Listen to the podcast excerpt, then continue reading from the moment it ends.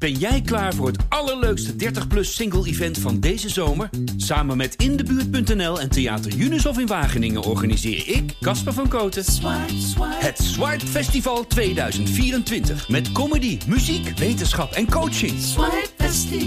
Maar vooral heel veel leuke mensen. Bestel nu je kaart op swipefestival.nl. Swipe, swipe. Er zijn minder beleggers die zich uh, op die koopmarkt storten. Toen vlogen de persberichten het stadhuis uit. Bouwrecord naar bouwrecord.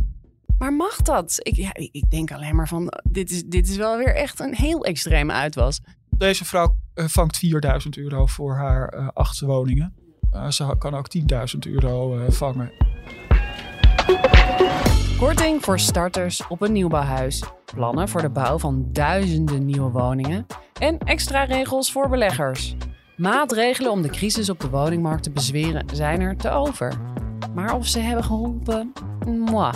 Voor huurwoningen moet je nu overbieden en die nieuwbouwhuizen bestaan alleen nog op papier. Hoe kan dat? In Amsterdam Wereldstad, een podcast van het Parool, bespreken we een Amsterdams fenomeen en geven we antwoord op de vraag: hoe zit dat eigenlijk? Mijn naam is Lorianne van Gelder. Welkom. Leuk dat je weer luistert naar Amsterdam Wereldstad. In deze aflevering duiken we in de Amsterdamse woningmarkt en proberen we uit te leggen waarom er, ondanks alle goede bedoelingen vanuit de politiek, nog steeds zo verdomd moeilijk is om aan een woning te komen. Want een fijne plek in de stad vinden, dat is nog niet altijd even makkelijk. Toch, Tim? Uh, ja, ik zit er middenin, ja. Maar uh, probeer maar een koopwoning te vinden. Ja, ik... Uh, ik Jij bent aan het bieden, je bent aan het zoeken, vinden, aan het afstruinen. Nou, aan het oriënteren. Ik zit op zich prima, maar ja, ik ben ook zo iemand die in de vrije sector huurt. En dan op een gegeven moment wil je toch ja, je geld niet elke maand overmaken en het zien stijgen elk jaar. En denk je, ja, kan ik iets kopen? En ik probeer me een beetje te oriënteren, maar uh, dat is nog niet, uh, het heeft nog niet tot iets geleid. Het is helaas nog niet gelukt. Nee, je hoort dus Tim Wagenmakers. Jij volgt als politiek verslaggever van het Parool uh, wat er gebeurt bij de gemeente. En ook veel um, ja, vanuit de plannen van de Stopra over de woningmarkt. Jij gaat daar zo meteen veel meer over vertellen. En ook aangeschoven is Mark Kruiswijk. Fijn dat je er weer bent, Mark. Dank je. Jij verslaat eigenlijk alles wat er in de stad gebeurt rondom vervoer, verkeer, maar dus ook wonen. Ja, fijn dat jullie er allebei zijn om deze grote nou ja, problematiek, waar we het eigenlijk bijna alle, elke aflevering wel een beetje zijdelings over hebben, weer even te tackelen. Um, en Mark, een van de eerste afleveringen die we ooit maakten voor Amsterdam Wereldstad ging ook over de woningmarkt. Dat was eigenlijk inmiddels alweer anderhalf jaar geleden. Um, als je dat zo beziet, dat was begin 2022. Wat is er ten opzichte van die tijd veranderd? Als je dat kort zou kunnen schetsen. Nou, als je het over de woningmarkt hebt voor koopwoningen, uh, was die toen wel echt aan het overkoken. Toen moest je echt een ton overbieden. Um, inmiddels is dat niet meer helemaal zo erg als het uh, in die tijd was. Uh, je zou kunnen zeggen dat de woningmarkt, de koopwoningmarkt, enigszins tot rust is gekomen. De prijzen stijgen nog een beetje of ze dalen een beetje. Ze zijn de afgelopen, het afgelopen jaar best gedaald. Um, maar dat betekent niet dat, uh, dat allerlei mensen nu ineens woningen kunnen kopen, zoals Tim heeft gemerkt. Opgelost. Ja, want de gemiddelde vraagprijs toen was nou ja, 560.000 euro. En huizen werden gemiddeld voor 12,5% boven de vraagprijs verkocht. Hoe zou je dat nu? Uh, nu is die prijs uh, wel wat lager. Ik geloof dat, of ik weet zelfs zeker, de prijs is nu 528.000. Uh, dus die prijs is wel wat gedaald. Tegelijkertijd zijn er nog steeds veel te weinig. is het aanbod van koopwoningen nog steeds veel te laag. Dus die prijs die gaat niet nog veel verder dalen de komende jaren, denk ik zo. Maar kun je dan zeggen, zijn de woonproblemen ja, vergeleken met toen, het is dus kort geleden natuurlijk, hè, maar zijn ze groter of, of, of kleiner dan destijds? Uh, de, de woonproblemen zijn denk ik nog net zo groot. Alleen op de koopmarkt is het enigszins tot rust gekomen. Als je kijkt naar huurwoningen en maar die vrije sector, waar Tim dus in woont, daar zijn die problemen nog heel erg groot. Daar nemen de prijzen nog steeds enorm toe. Dus het is eigenlijk een beetje verschoven van, van ja, koop naar huur. Ja, die 100.000 euro die je vroeger wel eens moest overbieden, dat, dat is nu echt een uitzondering geworden. Ja. Je zult wel moeten overbieden, want als je niet overbiedt, dan ben je bij vrijwel alle woningen uh, kansloos. Word je ongeveer uitgelachen, begrijp ik uh, van jou. Tim? Nou, uitgelachen was uh, een, een, groot woord. Maar degene die wij vroegen van... hey, hoe zat het met de andere biedingen? Die zei, nou, ik denk dat jullie ook wel wisten... dat jullie bod niet het hoogste zou zijn. Oh ja, dus we zijn daar nog niet vanaf. En om even nog, nog helder te hebben, Mark... hoeveel woningzoekenden zijn er eigenlijk in Amsterdam? De, er zijn berekeningen gemaakt. Er zouden 45.000 woningen te weinig zijn in Amsterdam. Oh ja, ja dat is toch wel een, een kleine stad te weinig. Nou ja, dat als je ziet uh, uh, hoe weinig huizen er worden gebouwd, er komen weinig huizen bij, dat tekort, dat duurt nog wel even. Hey, en Tim, um, ja, de woningmarkt wordt vaak aangeduid met het, de term een veelkoppig monster. Volgens mij mogen we het in, uh, in de krant al bijna niet meer schrijven, omdat het... ja, Als je het elke keer kan schrijven. Ja, ja. precies. Maar goed, de, hoe groot is dit onderwerp of hoe belangrijk is dit in het gemeentebestuur? Nou, er, er, wordt ontzettend veel over gesproken. Gewoon even, even anderhalf jaar geleden de verkiezingscampagne. Toen was wonen denk ik een van de belangrijkste thema's. Dat is echt toen uh, iedereen had het erover. We moeten vooral voor de middenklasse moeten we gaan bouwen. We moeten zorgen dat die in de stad kunnen blijven. Um, na de verkiezingen kwam er, dat, is ook wel, dat geeft ook wel aan denk ik de zwaarte. Uh, in het vorige college had je een wethouder wonen. Die ging niet alleen over de nieuwbouw, maar die ging ook over alle bestaande huizen en verduurzaming. Nou, dat hebben ze nu gesplitst. Er is een speciale woningbouwwethouder, Renier van Danzig van D66. Um, en daarna begon natuurlijk ook eh, de Oekraïne-crisis. Daarna de, de bouwkosten stegen. Dus zag iedereen aankomen dat de ambities van het gemeentebestuur om 7500 woningen per jaar te bouwen onder druk komen te staan. En sindsdien is de discussie eigenlijk in de raad: wat kunnen we doen om de woningbouw op peil te houden? Om te zorgen dat we blijven bouwen, dat we niet in een bouwcrisis komen. En is de tweede vraag: en wat voor woningen bouwen we dan vervolgens? En hoe gaat die stad er dan uitzien over tien jaar? Want als je alleen maar vrije uh, vrije sectorwoningen bouwt, krijg je een heel ander stadsbeeld natuurlijk dan als je inzet op middenhuur of op sociale huur. Dus dat zijn de discussies die uh, eigenlijk uh, elke week wel gevoerd worden. Ja, en je zei al, er zijn nu eigenlijk twee wethouders. Je hebt Renier van Danzig en je hebt ook nog... Sita Pels. En zij is van GroenLinks en zij gaat over volkshuisvesting. En zij is ook wel belangrijk in dit verhaal. Omdat als, je, als, je, als je het hebt over wonen, gaat het natuurlijk gewoon om een plek om te wonen. Dat hoeft niet altijd nieuwbouw te zijn. Dat gaat ook om doorstroming creëren. Er zijn heel veel ouderen in de stad die in grote woningen wonen en best kleiner zouden willen wonen. Er is leegstand in de stad. Nou, en aan haar is bijvoorbeeld om afspraken te maken met corporaties. Over hè, kunnen we ervoor zorgen dat ouderen in grote corporatiewoningen misschien als zij dat fijn vinden naar een kleinere corporatiewoning kunnen, maar dan wel op de begane grond. Zodat ze de trappen niet meer ophoeven. Maar dat is wel het niveau waarin de gemeente erover gepraat wordt. Echt bijna op microniveau op elk huis van wat kunnen we doen om een nieuwbouwproject er doorheen te trekken. Of wat kunnen we doen om misschien honderd ouderen te verleiden kleiner te gaan wonen. Dat, ja, want je zegt op microniveau. Want, want ja, even voor ons beeld, uh, heel veel eh, van uh, de woonproblemen zijn ook wel een gevolg van landelijk beleid. Um, ja. ja, hoeveel heeft de gemeente eigenlijk in de melk te brokkelen wat dat betreft? Nou, Amsterdam best veel, want, want het Rijk maakt uiteindelijk natuurlijk de regels en, en de ambities. Maar de gemeente is er om te sturen. Uh, Amsterdam heeft veel uh, eigen grond, of grond in eigendom, die ze uitgeven in erfpacht. En dat betekent dat je afspraken kan maken. Dus bijvoorbeeld bij nieuwbouwprojecten hebben ze gesprekken met corporaties, met projectontwikkelaars over wat willen we dat daar gebouwd wordt. Bijvoorbeeld een afspraak die Amsterdam heeft is 40-40-20. Dus ze willen 40% sociale huur, ze willen 40% in het middensegment, dat is tot 1189 uh, euro per maand huur. En ze willen 20% in het vrije segment. Nou, daar maken ze afspraken over, maar dan vervolgens is het aan de gemeente bijvoorbeeld om nu met ontwikkelaars te praten van ja, lukt dat? Haal je dat? Vinden we het oké als je misschien minder sociale huur bouwt? Dus daar hebben ze echt wel uh, invloed op. Of daar proberen ze zoveel mogelijk invloed op uit te oefenen. En lukt dat? Dat 40, 40, 20? Nou, dat is nu dus precies de discussie. Want dit, is een beetje technisch, maar waar het op neerkomt is sociale huur bouwen is duurder. Want grond is duur, maar als je minder huur vraagt, heb je minder winst. Dus wat willen ontwikkelaars vaak? Die zeggen, nou ja, laat ons wat duurdere woningen bouwen, want dan kunnen we ons project rondrekenen. En wat nu de discussie is van op projectniveau, als een ontwikkelaar zegt wat nu gebeurt, we kunnen het niet meer rondrekenen, alles is duurder geworden, vindt het stadsbestuur dan oké als je wijzigingen maakt in de plannen? Nou, en dat de wethouder heeft nu gezegd, ja, op projectniveau wil ik daar kleine wijzigingen in doen. Dus je ziet nu dat op sommige plekken wordt vrije sector omgezet in sociale huur. Op sommige plekken in projecten wordt er minder sociaal gebouwd en meer middenhuur. Dus op die manier proberen ze een beetje aan knopjes te draaien om te zorgen dat allemaal individuele projecten doorgaan. Klinkt nog wel vrij minimaal voor zo'n groot probleem eigenlijk. Nou ja. Het is zoals de, de, de Reinier van Danzig zegt in ieder gesprek dat je met hem voert. We doen dit woning voor woning. Ja. Wauw. Dus dit is microniveau. Ja, Het moet echt maatwerk worden. Maar dan zijn we in 2150. Uh, eh, is dit probleem misschien opgelost? Ja, maar ik denk wel dat hè, we hebben in 2008, hebben we, 9, hebben we ook een bouwcrisis gehad. Toen kwam de bouw echt stil te liggen. Um, en nu is, is, is de ambitie van het gemeentebestuur wel, laten we nou wel echt proberen om op microniveau te zorgen dat het niet helemaal stil komt te vallen. Dus ja, ik denk toch dat dat op dit moment wel hetgeen is wat de gemeente moet doen. Kijken van waar liggen nog kansen om iets te bouwen en iets te doen. En dat betekent dus ja, per project kijken wat mogelijk is. Nou, los daarvan, eh, woningbouw is in Amsterdam sowieso ingewikkeld, omdat er maar heel weinig ruimte is in Amsterdam. Ja.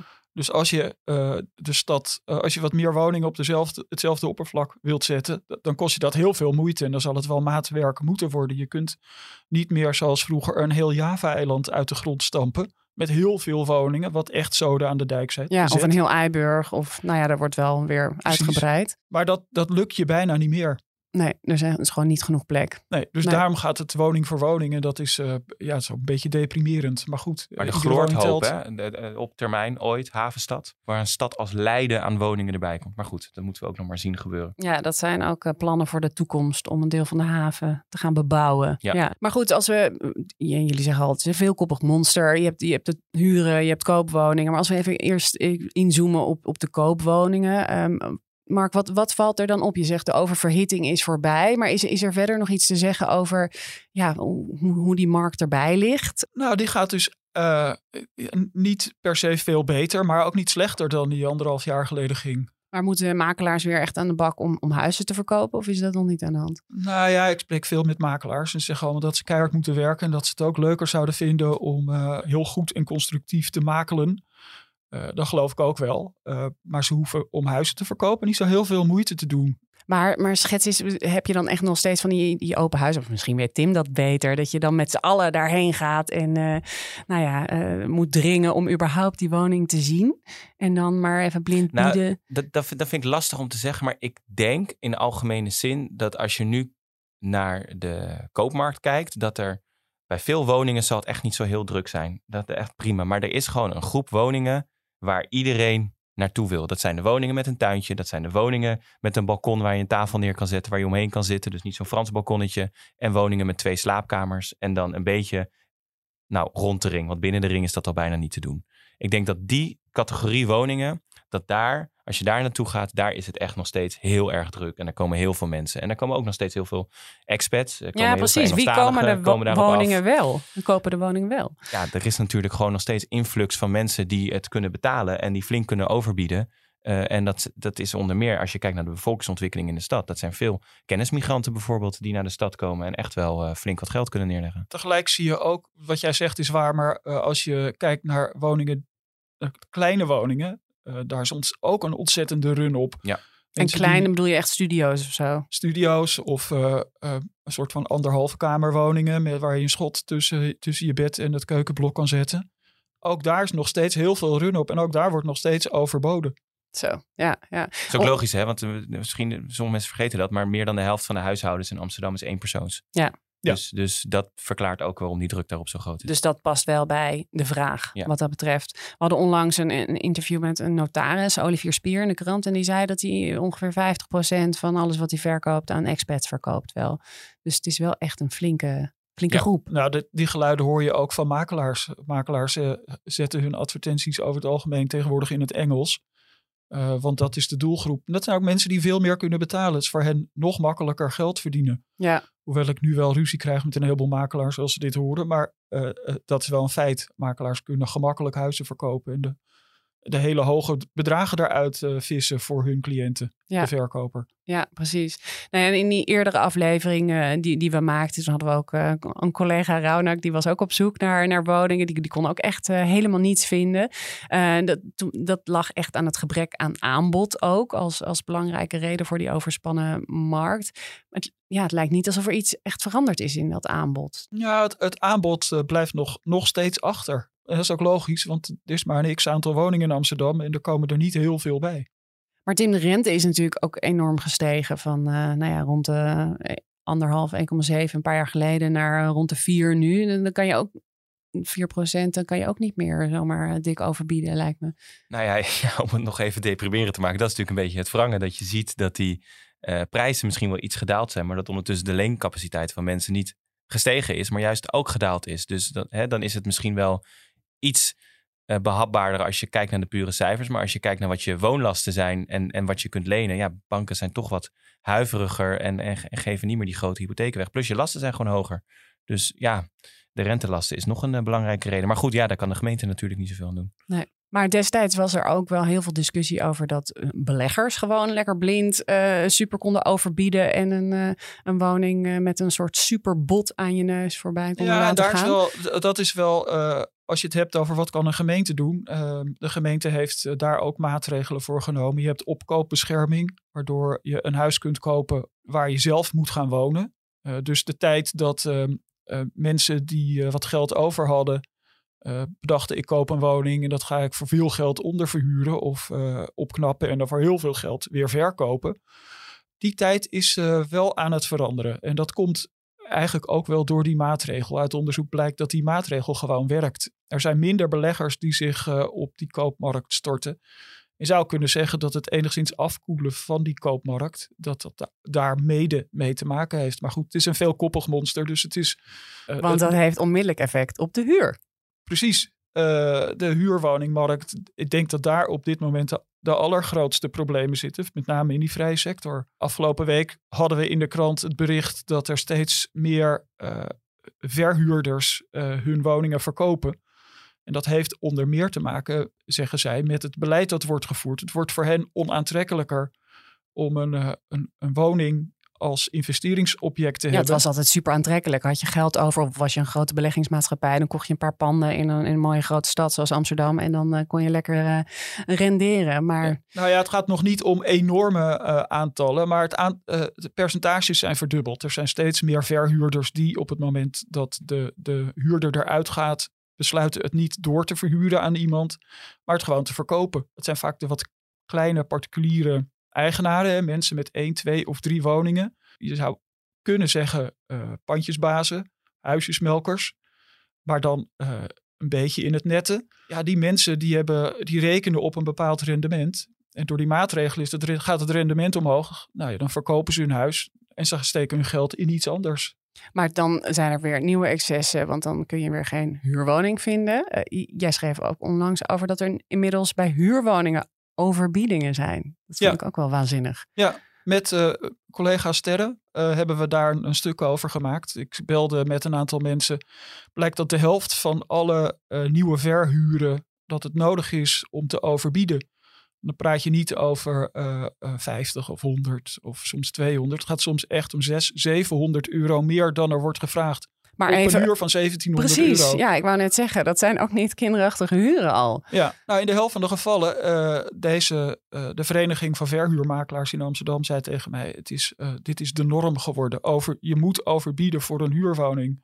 Vroeger kenden we dat maar natuurlijk mag dat? Ik, ja, ik denk alleen maar van, dit is, dit is wel weer echt een heel extreme uitwas. Nou, het heet vrije sector. Dat betekent dat je vrij bent om te doen wat je wil. Als een woning eenmaal een aantal punten heeft, dan uh, valt het in de vrije sector. Dan mag je ervoor vragen wat de markt ervoor voor biedt. En als er heel veel mensen een huis willen hebben, kun je dus vragen wat je wil. Ja, ja. Dus mag, ja, het mag. Er valt, niet, er valt eigenlijk niets tegen te doen. En wat zijn de gevolgen dan voor de stad? Nou ja, je zou kunnen zeggen dat um, uh, als je moet overbieden om een huurhuis te krijgen, uh, dat dat de prijs opdrijft. Dus dat de, de prijs hoog wordt. Dat straks alleen nog maar hele rijke mensen kunnen huren in de vrije sector. Uh, het betekent ook dat uh, mensen die nu in een sociale huurwoning zitten en daar misschien wel uit willen omdat ze iets groter willen of omdat ze iets voor zichzelf willen. Het kan natuurlijk zijn dat die mensen uh, helemaal geen kans meer hebben op die, op die huurmarkt. Ja, dus die doorstroom die, die stagneert ook. En, en in zo'n sociale huurwoning kom je ook niet aan. Nou, ik zei net, hè, de, de wachttijd is, was tot voor kort 13 jaar. Uh, dus het is vrij, je kunt je best inschrijven. En ik raad iedereen aan om zich in te schrijven die op zoek is naar een huurwoning. Maar 13 jaar, eh, wie weet wat je doet over 13 jaar. Ja, ja dat is ook wel moeilijk om, om daar zicht op te hebben. Maar ja, Tim, wil de gemeente dit dan niet heel graag aan banden leggen? Zeker, maar ik denk dat een van de dingen is, kijk, de gemeente steunt wel op zich. Het is natuurlijk rijksbeleid waar je het over hebt. Hè? Dat gaat over, dat, over, over die regels waardoor beleggers nu denken van nou, we gaan het verkopen. Amsterdam heeft zelf ook altijd op dat zelfbewoningsplicht ingezet. Uh, maar Amsterdam heeft bijvoorbeeld ook, dat hebben ze al jaren, en dat heeft Rijk ook gevolgd, geprobeerd om dat middensegment uit de grond te trekken. Want dat is natuurlijk een oplossing. Als jij in een sociale huurwoning zit en je moet meteen naar die vrije huursector die veel hoger is, dan kom je in de problemen. Maar door in te zetten op, op, op, op middenhuur eigenlijk, kun je natuurlijk een soort tussensegment creëren. Alleen dan kom je weer bij die bouwcijfers. Dit jaar zijn er 211 middenhuurwoningen in aanbouw genomen. Terwijl de ambitie is 3000. Dat is wel echt een heel groot verschil. Dus dat middensegment, dat is een mooie ambitie. Maar momenteel komt die nog niet zo heel, heel erg lekker van de grond. Ja. Ja, ja. Vervelende daaraan is dat mensen in een sociale huurwoning blijven zitten. Ehm, En eigenlijk misschien te veel verdienen. en daar te veel voor verdienen. Nou ja, ze, hebben dat huis, ze, ze mogen daar niet uit worden gezet. Dat lijkt me een heel eh, groot goed. Alleen je zou toch liefst willen dat ze dat huis uitgingen. Dat er van aan de onderkant weer nieuwe mensen bij konden. Ja. En dat is gewoon niet Maar zo. dat is natuurlijk denk ik het fundamentele lastige aan woningbouw. Dat je altijd bezig bent met twee snelheden. Aan de ene kant heb je plannen van we willen het zo verdelen. Nou, plannen dat kost dan tijd. Die huizen moeten gebouwd worden. Dan praat je over periodes van vier tot zes jaar. En ik denk ondertussen zes tot tien jaar eerder. Als je ziet wat er gebeurt. En ondertussen wil je kleine quick fixes doen of maak je regels. Maar die hebben altijd weer een andere kant eraan zitten die voor een prikkel zorgen die je niet wil. Dus dat zie je bijvoorbeeld nu, daar hebben we het net over gehad, met dat die, die richting eh, die we nu inzetten rond regulering leidt dat de huurmarkt verder onder druk komt te staan. Ja. Dat is niet wat je wil.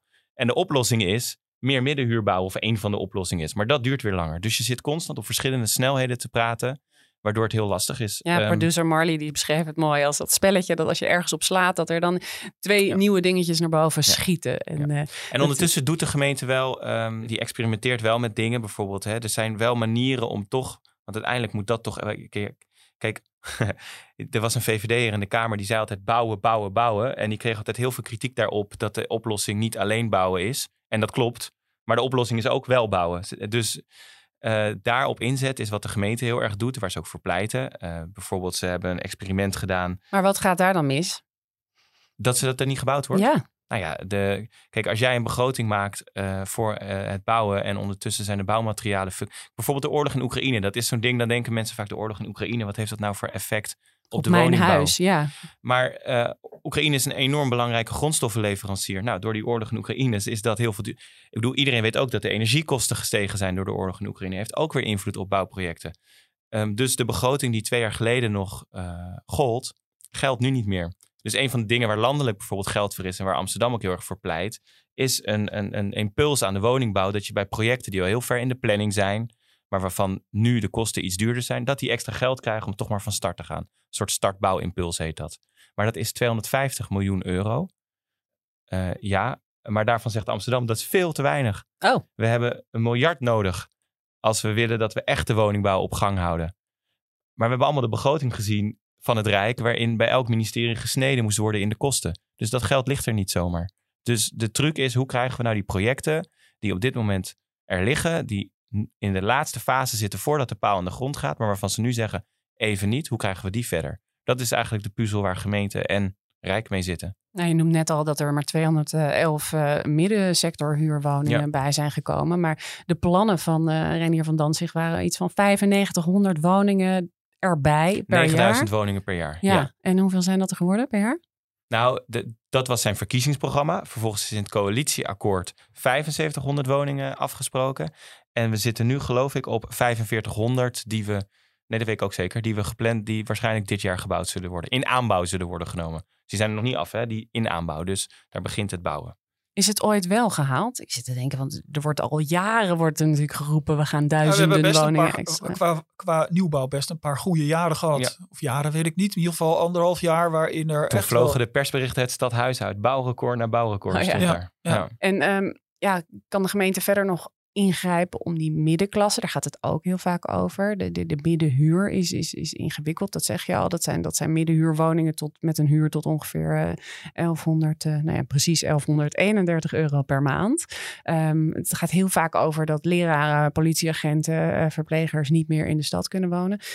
Heeft de gemeente daar nog iets van invloed op? Nou ja, kijk, de gemeente bouwt niet, maar wat ze wel doen is afspraken maken. En een van de dingen die volgend jaar gaat beginnen is een pilot met sociale koop. Dat was ook een ambitie van dit college. Dat zijn woningen tot 355.000 euro. En ze gaan in Zuidoost bijvoorbeeld, ga- gaan ze met een pilot beginnen om een aantal sociale koopwoningen te bouwen, speciaal gereserveerd voor eh, docenten, politieagenten, verplegers, zeg maar. Essentiële beroepen noemen ze dat, die ze in de stad willen houden. Alleen de aantallen daarvan zijn nog niet bekend, hoeveel dat er worden. Ja. Um, dus dat, dat is nog niet op hele grote schaal. En waar ze, en waar ze ook eh, op willen inzetten is een koopstartregeling. Dat is ook wel interessant voor mensen die een huis kopen. Dan betaal je zeg maar niet in één keer het hele aankoopbedrag. Want voor mensen is het vaak te duur. Uh, maar dan op het moment dat je je huis verkoopt, wordt het verrekend met de overwaarde. Dan eigenlijk gaan ze ervan uit dat je je huis voor meer kan verkopen. En het verschil wat je dan nog niet betaald hebt, wordt er dan afgehaald. Dus je maakt minder winst op je overwaarde, maar je kunt wel Op een het huis moment, kopen. oh ja, op dat, Dat, is iets wat onderzocht wordt. Van kunnen we daar eh, meer mee doen? Maar dat is natuurlijk al- ook allemaal weer afhankelijk van wat landelijk de ruimte wordt om dat soort dingen te doen. Ja, ja en het, het lijkt ook allemaal nog steeds heel klein als je dat enorme probleem moet tackelen. Ja, dat klopt. Maar als je nu op dit moment. Ik denk ook wel eens dat we te lang hebben gedacht. Het is heel klein, dus laten we ons alleen op de grote klap richten. Waardoor je niet bezig bent met het huis voor huis kijken wat er mogelijk is. En ik denk dat, nou ja, eh, een beetje winst is ook winst. En een veelgehoorde ja, wens is ook om Amsterdammers in de stad te kunnen laten wonen. Er zijn toch ook experimenten geweest om ja, Amsterdammers voorrang te geven? Maar dat gebeurt ook. Bijvoorbeeld in Zuidoost eh, hebben ze projecten waar 25% van de buurtbewoners eh, voorrang krijgt. En dat zijn allemaal dingen waar ze afspraken over maken met projectontwikkelaars, corporaties. Eh, dus dat, dat, dat gebeurt wel. Ja. Ja, in Nieuw-West ook heb je ook dat soort projecten waarbij sociale huur wordt gesloopt. Komt er eh, nieuwbouw voor terug. En- en dan is het wel zaak dat die mensen die daar woonden eh, er ook moeten kunnen blijven wonen. Dat lukt niet altijd, maar dat is wel de ambitie. Ja, en kun je dat blijven verkopen, zeg maar, als beleid ook? Want ja, waarom heeft een Amsterdammer weer meer voorrang op een, een woning dan iemand die van buiten komt, maar ook heel graag hier wil wonen? Ja, dit, ik- kun je het verkopen. Het is een politieke keuze die je moet uitleggen aan Amsterdammers. En ik heb het idee dat Amsterdammers die toch stemmen op de mensen die daar zitten, daar wel begrip voor hebben. De- Het de debat is wel veranderd. Acht jaar geleden, als ze dat gezegd, de SP zei dat toen Mhm. bijvoorbeeld. En toen hoorde je D66 of PvdA toch wel zetten, jullie zetten een hek om de stad. Eh, dit moeten we niet doen. Ja, Eh, maar omdat de woningnood zich zo verdiept heeft, is eigenlijk iedereen wel bijna om dat dit een goed idee is. Ik hoor, ik hoor rechtse partijen ook niet zeggen dat ze het gek vinden bijvoorbeeld. ja, ja. En tegelijkertijd gaan er ook heel veel Amsterdamse gezinnen of, of Amsterdammers vertrekken uit de stad. Mark, we hebben daar ook wel eens eerder een podcast over gemaakt. Zijn daar nog eh, veranderingen in de cijfers? Eh, gezinnen, eh, op het moment dat mensen zich een gezin gaan vormen, is de kans echt heel erg groot dat ze de stad uitgaan. Dat was eh, eh, vier en tien en vijftien jaar geleden het geval. En dat is nu nog steeds het geval. Er Ja. zijn eh, gewoon niet voldoende eh, gezinswoningen. Waardoor de stad ook weer verandert. Maar goed, ik kan me voorstellen als je nu luistert en je zoekt een woning in Amsterdam en iedereen heeft wel eens in die situatie gezeten, dan word je niet eh, per se vrolijker van eh, al deze gegevens. Eh, welkom in mijn werk. Ja, precies. Wat heb je toch een deprimerend werk? Nou, dat is het ook niet, toch? Er zijn heus vast ook wel wat hoopvollere verhalen te vertellen. Ehm, zijn er voorbeelden waarvan jij denkt van, oh ja, nou, dit, misschien is het klein, maar dit is wel iets, nou ja, wat Nou iets ja, van hoop biedt. Kijk, het, het grote verhaal is vooral een verhaal waar je ook wel boos van wordt als Amsterdammer, omdat je er vaak niet meer aan te pas komt. En je gedwongen bent om te verhuizen naar een plek waar je eigenlijk uiteindelijk toch niet wil wonen. Eh, maar er zijn wel kleinere verhalen waarin mensen eh, zich van een betere kant laten zien. Eh, ik ben nu bezig met een verhaal over een, een- vrouw die een, een pand heeft aan een gracht. Die verhuurt die, die woning aan acht studenten. Die betalen ieder 500 euro per stuk. Dat is 4000 euro per maand. Eh, nou daar kan het net voor uit. Die vrouw maakt geen winst. eh, want ze heeft dat geld nodig voor al de kosten die ze moet maken voor dat huis. Maar ze doet het wel. Want ze zegt, ik wil dat, er ook, dat studenten ook in Amsterdam kunnen wonen. En ik wil ook dat ze niet allemaal in hele kleine hokjes hoeven te wonen. Dat vind ik een, echt een heel mooi initiatief. Maar je bent dan wel afhankelijk van mensen eh, die een huis hebben en er niet het onderste uit de kan willen halen. Klinkt meer als, eh, als een soort liefdadigheid. Want deze vrouw eh, vangt 4000 euro voor haar eh, acht woningen. Ja. Eh, ze kan ook 10.000 euro eh, vangen. En dan kan ze eh, nogal veel met vakantie. Ze zegt, ja, dat wil ik helemaal niet. Ik vind het belangrijk dat, er, dat mensen in de stad kunnen wonen. Ja, nee, dat lijkt me een, een heel een nobel streven. Maar ja, iedereen begeeft zich op een markt die ook alleen maar duurder en gespannender wordt. Dus eh, ik- Nou ja, dat is misschien ook wel waar het optimisme ligt. Dat ik denk dat als je naar Amsterdam kijkt, dat eh, het feit dat de crisis om zich heen slaat, raakt iedereen. En ook de mensen die het geld verdienen in de stad maken zich op dit moment, denk ik, best wel vaak zorgen om hun eigen kinderen. Hoe die nog een plek gaan vinden in de stad. En nou ja, als ze echt goed verdienen, zal het nog wel lukken. Eh, maar eh, ik denk dat niemand meer ontkent ten opzichte van een aantal jaar geleden dat de manier waarop het in de stad gegaan is de afgelopen jaren zo niet verder kan. Ehm, en dat is natuurlijk weer iets te veel aan de optimistische kant. Want ondertussen het grote geld klotst aan alle kanten over de plinten. Maar ik zie ook wel dat die beweging wel wat groter is geworden. oké. Nou, ik vind dat we die noot eigenlijk allemaal moeten eindigen. Dat het een klein beetje optimisme is. Mag ik jullie hartelijk danken, eh, Tim Maagmakers en Mark Kruiswijk, over de Amsterdamse woningmarkt. Dit was weer Amsterdam Wereldstad, een aflevering die ik maakte met Marley van Zoggel en Josien Woldhuizen. Muziek was van Rinky Bartels. Dank voor het luisteren en tot volgende week. Ben jij klaar voor het allerleukste 30-plus single-event van deze zomer? Samen met Indebuurt.nl en Theater Unisof in Wageningen organiseer ik, Casper van Koten, het Swipe Festival 2024. Met comedy, muziek, wetenschap en coaching. Maar vooral heel veel leuke mensen. Bestel nu je kaart op swipefestival.nl. Swipe, swipe.